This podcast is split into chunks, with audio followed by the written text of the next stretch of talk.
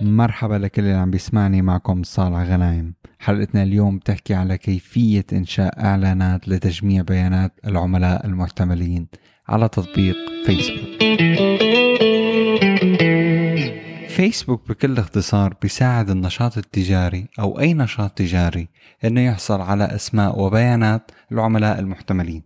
فيسبوك بربطك بالأشخاص الذين يريدون معرفة المزيد حول نشاطك التجاري.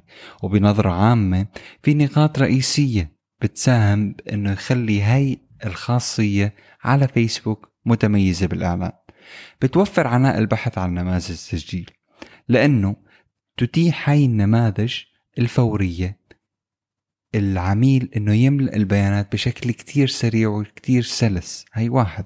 النقطة الثانية هي النماذج بتساعد على الحصول أكثر من ما أنت بتتوقع مش بس اسم آه وبريد إلكتروني إنما يمكنك إضافة أسئلة إضافية. وبالإضافة لهالشيء أنت فينك تخصص أسئلة تتوافق مع الحاجة اللي أنت بتحتاجها في نشاطك التجاري. والنقطة الثالثة اللي كتير مهمة استخدام فيسبوك مع إدارة العلاقات للعملاء. هذا الشيء بيخليك تحمل بيانات العملاء المحتملين تلقائيا وبهالحالة بتوفر وقت وبتحصل على النتيجة اللي أنت بتبحث عنها.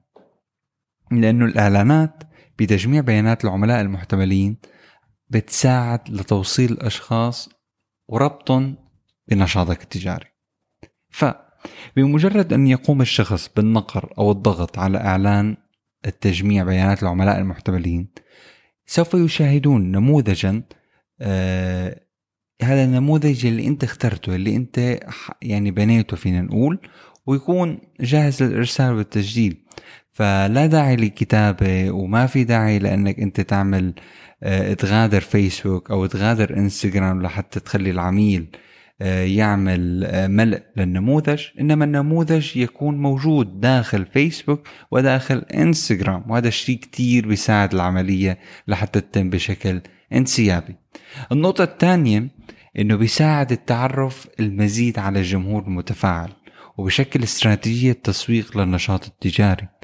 بهذا الشيء بيساعدك لأنت تكون وتخصص أسئلة مخصصة مثل ما قلنا لنموذجك. والنقطة الأهم الهدف من تجميع بيانات العملاء المحتملين هي العثور على الأشخاص الذي يرجح وعندهم أغلبية وأهمية إنه ياخذوا قرارات مفيدة للنشاط التجاري يلي بتستخدمه سواء كان شراء سواء كان تنزيل تطبيقك أو حتى طلب عرض أسعار. أه هلأ في نقطة أنا كثير بالنسبة لي مهمة هي أتمتة الإعلانات.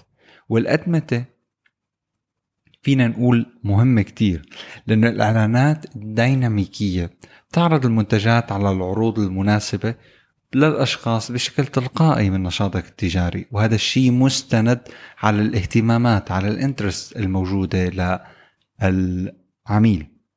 فمثلا نحن بنضيف نموذج لتجميع بيانات العملاء المحتملين ومنشجع الأشخاص ليأخذوا إجراء مثل التسجيل آه لاختبار قيادة سيارة مفضلة أو حجز موعد محلي أو طلب عينة. ومثل ما أنا عملت بودكاست سابق على النجاح الكبير اللي حققته شركة تويوتا باستخدام هاي الخاصية فينكم تشوفوه بالبودكاست السابق. هلا هي فكرة عامة فينا نقول على إعلانات وكيف هي الإعلانات كتير بتساعد النشاط التجاري. لكن في نقطة تانية كتير حلوة وأنا أحبذها إنه كتير ناس تستخدمها هي إنك تعمل أه طريقة حلوة لتجمع العملاء عن طريق فيسبوك ماسنجر so, كيف بيشتغل هاي العملية؟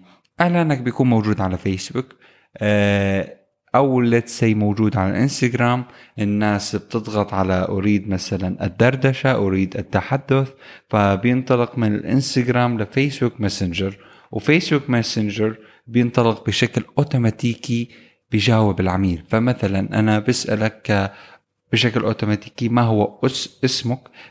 فالعميل رح يجاوب مثلا اسمي صالح ما هو بريدك الإلكتروني فأنت بتجاوب بريدك الإلكتروني. هاي العملية كتير بتساعد. فنحن هاي العملية فينا نقول شوي advanced كتير بسيطة كتير سهلة بس أي حدا بده يبلش بتجميع بيانات العملاء أنا بنصح بالطريقة التقليدية.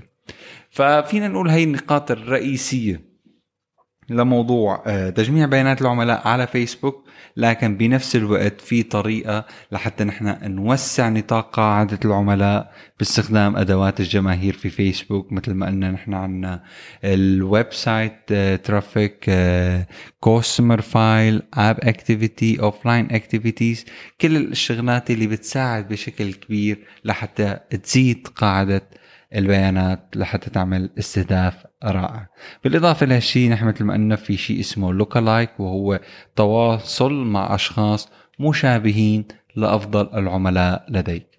فهي هي الفكرة العامة للإعلانات وإعلانات فينا نقول لتجميع بيانات العملاء. ومثل ما قلنا بعد أي إعلان نحن بنعمله على فيسبوك مهم كتير لأن نحن نعرف قياس هذا الإعلان ونعرف مدى نجاحه. وهذا الشيء يتم بطريقة كتير سهلة عن طريق ال reportات وال ال analytics you know التحليل المنطقي الموجود آه، بشكل مجاني على تطبيق فيسبوك إذا عندكم أي سؤال له علاقة بهذا المجال أو حابين آه، تعرفوا أكثر عن هذا الموضوع بشكل عملي أو أفكار تانية بس خبروني.